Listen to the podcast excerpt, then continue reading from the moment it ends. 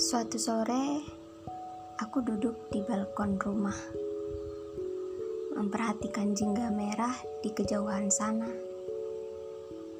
Ronanya terlihat jelas, sedang berduka sepertinya, atau memang menampilkan pesona tak indah bagi orang-orang yang menangis padanya.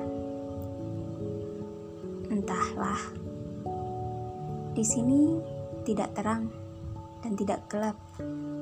Yang ada hanyalah ketidakpastian. Ketidakpastian bahwa antara senja dan pagi hanyalah perbedaan muncul dan terbenam, awal dan akhir. Hanya itu. Iya, hanya itu. Tapi rumit.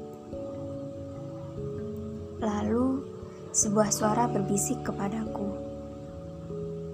Aku tahu kamu sedang luka. Oleh karena itu, kamu di sini memperhatikan rona merahku yang membara.